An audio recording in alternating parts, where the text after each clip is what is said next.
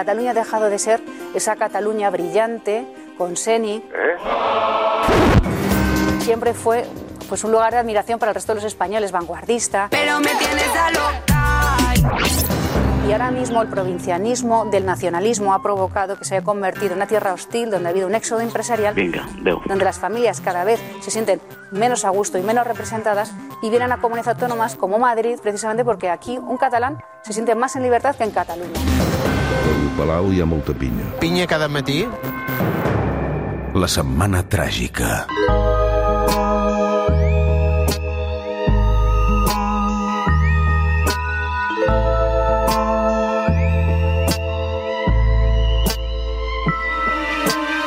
A Londres, Ion Sindreu, columnista del Wall Street Journal. Bon dia, Ion. Bon dia. I el Toni Rodon, doctor europeu en Ciències eh, Polítiques i investigador a la London School of Economics, professor de la UPF. Bon dia, Toni. Bon dia, bona hora. Tots dos des de Londres. Això és la setmana tràgica, amb la reina ja des de fa uns quants dies enterrada, per tant, capítol tancat. Avui... Um... Ja era hora, eh? Sí, sí, sí. Ha, ha tardat més que qui era aquell eh, James Brown, que no l'enterraven mai. Bé, doncs ja s'ha acabat. Se fet Però encara hi ha un segon capítol, eh? Perquè falta la coronació aquí, Ion. Vull dir, no et relaxis. Però això és d'aquí un any, no? Sí, encara trigarà, no, no sé quant és, però escolta, Ion, vull dir, no, tranquil, encara Jo, no guardis sí. la tovallola, eh? Sí, jo, jo eh, com vaig explicar l'altre l'altre dia, segueixo allò fixat en el tema dels bitllets, eh? I quan ens explicaran eh, què passa amb Quan el tema caduquen? dels bitllets. Quan caduquen els bitllets de la eh, reina? Segueixo anant cada dia en el, la web del Banc d'Anglaterra i segueix dient que vindrà un anunci que ens ho explicarà, uh, diu breument. Però, però de moment, breument, segueix no sent ni avui, ni demà, ni passat. Quins nervis. Bé, avui a la Setmana Tràgica intentarem ser pedagògics i didàctics perquè com que tenim aquesta tardor ja al damunt i les temperatures aviat aniran a la baixa, um, evidentment la guerra d'Ucraïna continua ben activa, avui amb el Leon Sindreu i el Toni Rodon intentarem aprendre a llegir les factures de l'electricitat i del gas. Primer de tot, Ion, d'on ve, um, o Toni, d'on ve l'energia que consumim? Bé, l'energia que consumim escapa eh, eh, bé, eh, com, com potser saben els nostres oients, de diferents fonts, però en el cas de Catalunya, eh, essencialment nosaltres consumim, i si ens fixem en l'energia primària, sobretot del petroli, que representa gairebé la meitat de l'energia que consumim amb, amb dades de l'any 2020. Després eh, tenim també una part de, de consum d'energia molt important que ve del, del gas natural, un, gairebé un 23%, i també després de les, de les nuclears, que és una quarta part de l'energia que consumim. De fet, les energies renovables eh, representa un, un, una part molt petita del pastís de l'energia que consumim a Catalunya i, de fet, és una cosa eh, doncs, que va lligada, eh, com ara ens explicarà en Jon, eh, al preu una mica de les factures que tenim aquests dies i, sobretot, de la factura que tindrem ara en aquest hivern que, que ens espera. Ion, com es decideix el preu de l'electricitat? Perquè a, això últimament ens ho estem aprenent, però no està malament recordar-ho, eh? La paraulota és marginal, oi? Sí. Tu això ho recordaràs dels Sistema teus de dies... preus marginal. A veure, això què vol dir? Dels teus dies estudiant econòmiques, això ho recordaràs, no, Sí. Escapa? Sí, però vaig durar poc. Vull dir que... Uh, record... Sí, sí. És allò que, que sempre diuen al llibre de text, que és el preu marginal és uh, el preu d'afegir una unitat més, no? que bàsicament vol dir, home, si estàs venent patates, tens allò a la corba de l'oferta i la demanda, no? i és uh, l'última persona que compra uh, la darrera patata, no? de manera que la- que l'oferta s'ha venut sencera, la que fixa el preu de les patates per tothom. Doncs així és com funcionen els mercats elèctrics eh, a nivell majorista, eh? Després, i ara en parlarem a la factura, eh, si afegeixen altres coses. Però eh, a l'estat espanyol tenim un operador, que és l'OMIE, que cada dia subhasta el que s'anomena el pool elèctric que per cada hora del dia següent, i aquí es decideix quanta energia ofereixen les generadores elèctriques i quanta en volen eh, les distribuïdores, que després ho comercialitzen en el client. Um, llavors, clar, eh, el, com deia el Toni, aquí el que passa és que eh, considerem el quilowatt hora, no, l'energia, com un sol producte, però la manera de generar-la és radicalment diferent segons d'on ve. Uh, la nuclear, la solar, l'eòlica uh, tenen el que es diu un cost marginal de zero, perquè el que és car és muntar les plantes. Una vegada les tens engegades, de fet no les pots aturar, així que el que vols és vendre no, cada quilowatt hora, ni que sigui per 0 euros, perquè si no l'has de llançar. En canvi, això amb una central de cicle combinat que produeix energia amb gas, eh, això és diferent, perquè per cada quilowatt eh, hora addicional que et donen, ells han de cremar gas, no? Per tant, els hi pugen els costos i, per tant, s'ho cobren. Um, I, clar, el que passa amb aquest mer mercat marginalista és que primer es ven tota aquesta nuclear, solar, eòlica, hidroelèctrica, no? que és la que surt barata, um, però si no n'hi ha prou per satisfer la demanda, llavors entra el gas al final, no? I llavors, clar, uh, com que marca el preu, acabes pagant també en aquestes nuclears, solars, eòliques, hidroelèctriques, que tenen costos baixíssims, al mateix preu, com si ho estiguessin produint amb gas. Um, clar, És a dir, en el temps- gas acaba encarint la resta de l'electricitat. Sí, i en temps normals això ho acceptem perquè diem, home, al final eh, és veritat que costa molta inversió no? fer, fer, un, un, doncs fer una, una planta no? de- d'energia eòlica i, per tant, eh, que, que puguin cobrar tot aquest extra no? eh, sobre, sobre el preu variable, diu, és un incentiu molt gran no? a, a produir més energia renovable i, per tant, ens sembla bé que funcioni així. Um, I, en canvi, el gas no volem que facin massa diners no? sobre uh, el, els seus costos. Um, però, clar, el que passa és que ara el gas ha pujat tant que el que diuen tots els experts és que els beneficis extraordinaris que estan cobrant no, uh, doncs les generadores per, la, per això, per la hidroelèctrica, per l'eòlica, per la solar, són tan bèsties que realment um, està molt per sobre del que serviria per incentivar a invertir més en generació. Per tant, uh, bàsicament estem uh, llançant els calés. No? Mm. Per tant, eh, um, quan rebem la factura, suposo vosaltres al, al Regne Unit també la rebeu en digital? Com, com, com funciona Sí. això? Sí, no? Digital, sí, sempre. No he rebut mai cap paper, sempre tot en, directe- en, per internet. Nosaltres aquí encara suposo que... Però d'anar en compte, eh? Perquè després, per exemple, segons per quines gestions, amb el govern o amb el banc o el que sigui, diuen uh, ensenya'm la darrera factura per, per demostrar que vius a, a casa teva, diguem. En paper. Eh? En paper.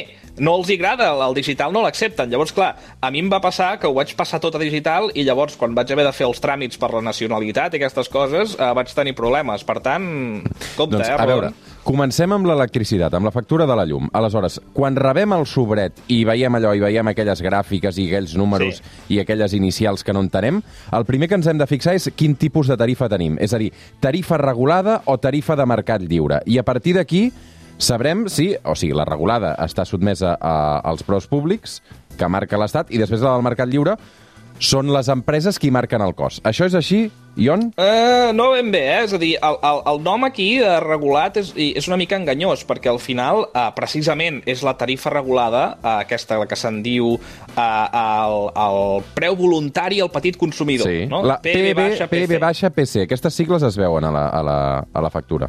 Exacte. Uh, però aquesta, al final, acaba sent molt més dependent d'aquest uh, mercat majorista que ara estàvem explicant, que és el marginalista, no? Uh, que és el que et canvia uh, cada dia.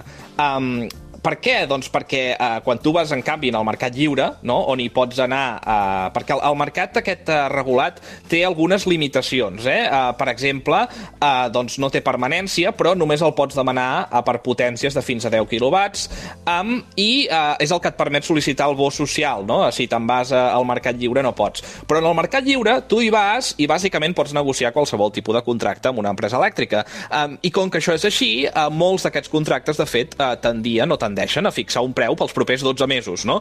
I com que el preu estava fixat quan ha pujat aquesta, no, el preu del gas, hi ha molta gent en aquest eh, mercat lliure que, de fet, no ha estat eh, pagant eh, no, tot l'encariment del gas que hem vist, i en canvi la gent que estava a la tarifa regulada doncs s'ha estat menjant eh, no, tot aquest problema i, eh, a més a més, eh, recordem que la tarifa regulada també té, eh, doncs, per, per necessitat, tot i que algunes del mercat lliure també ho tenen, això de que hi ha diferents franges horàries, no?, Sí. de la discriminació horària en què acabes posant la, la rentadora de matinada.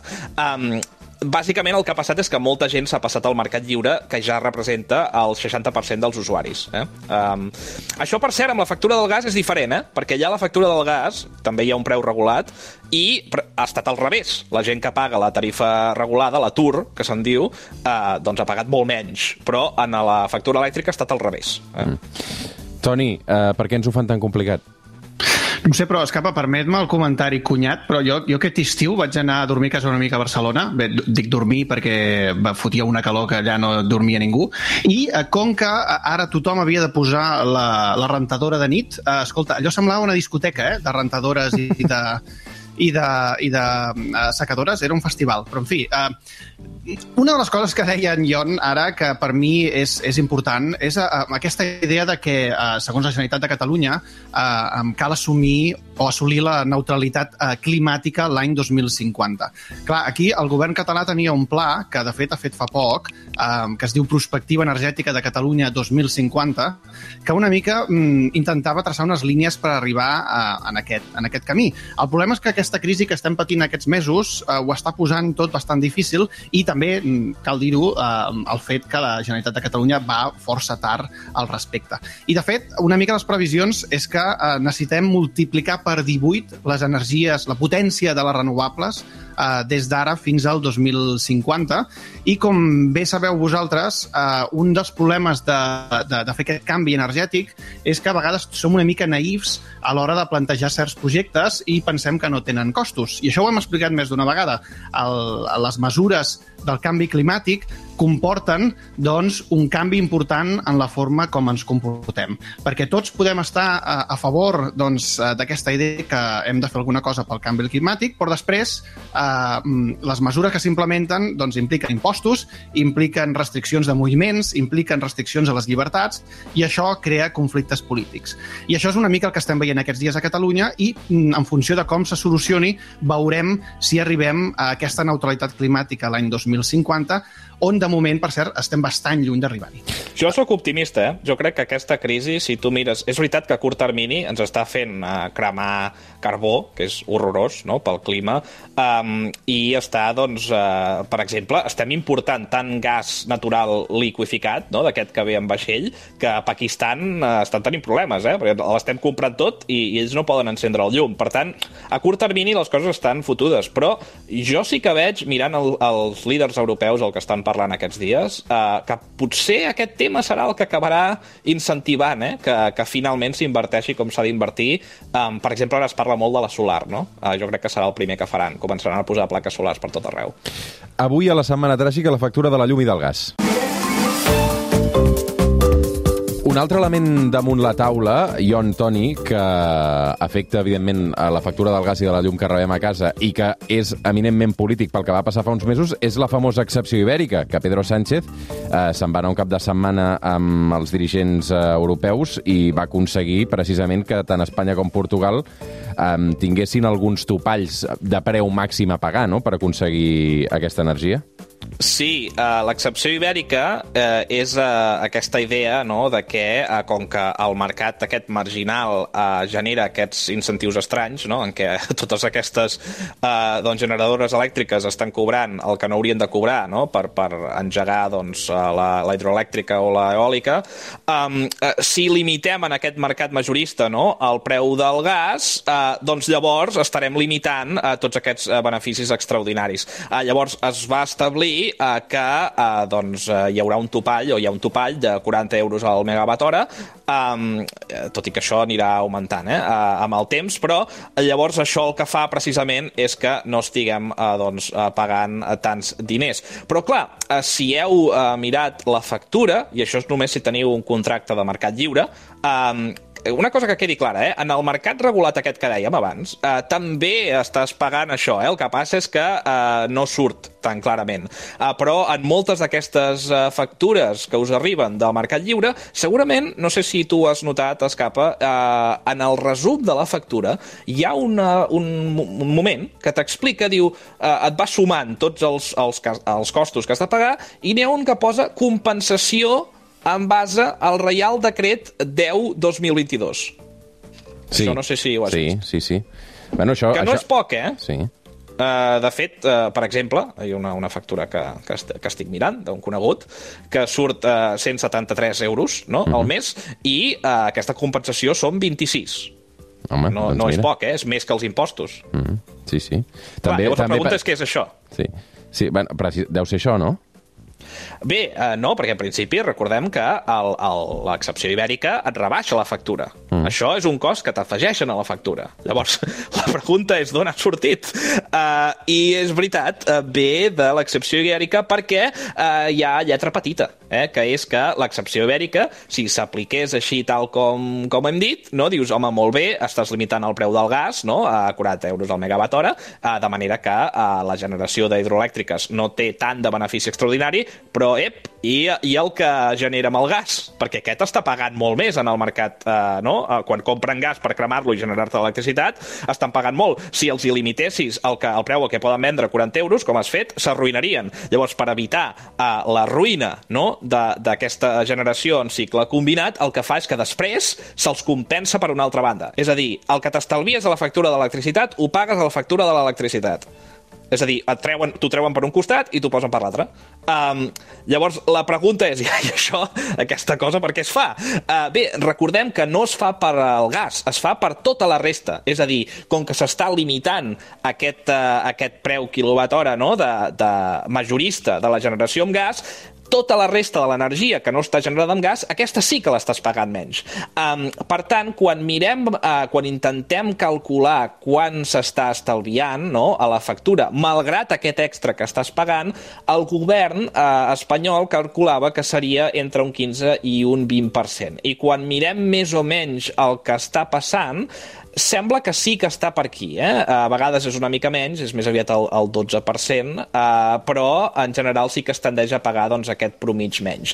Per tant, eh, aquest topall eh, del gas eh, doncs, evidentment està ajudant, no? perquè, com dic, eh, sabem que al final eh, tota aquesta generació amb renovables ja estan cobrant molts més beneficis dels que realment haurien de cobrar i, per tant, tu pots limitar el preu del gas, eh, però eh, té un límit, eh? Fins, i, fins a quin punt te la poden rebaixar, perquè al final recordem que eh, tot el que, el que no estan cobrant no? eh, per la generació de gas, doncs això sí que els ho compenses després. Ion Sindreu i Toni Rodon, intentarem continuar desxifrant aquest eh, jeroglífic que són les factures de la llum i del gas. Crec que en continuarem parlant aquesta temporada perquè l'energia continuarà sent protagonista els propers mesos especialment. Ion, Toni, una abraçada. Cuideu-vos. Moltes gràcies. Que vagi bé. Vagi bé. Tapa't, perquè el gas no, no el tindrà. El suplement, amb Roger Escapa.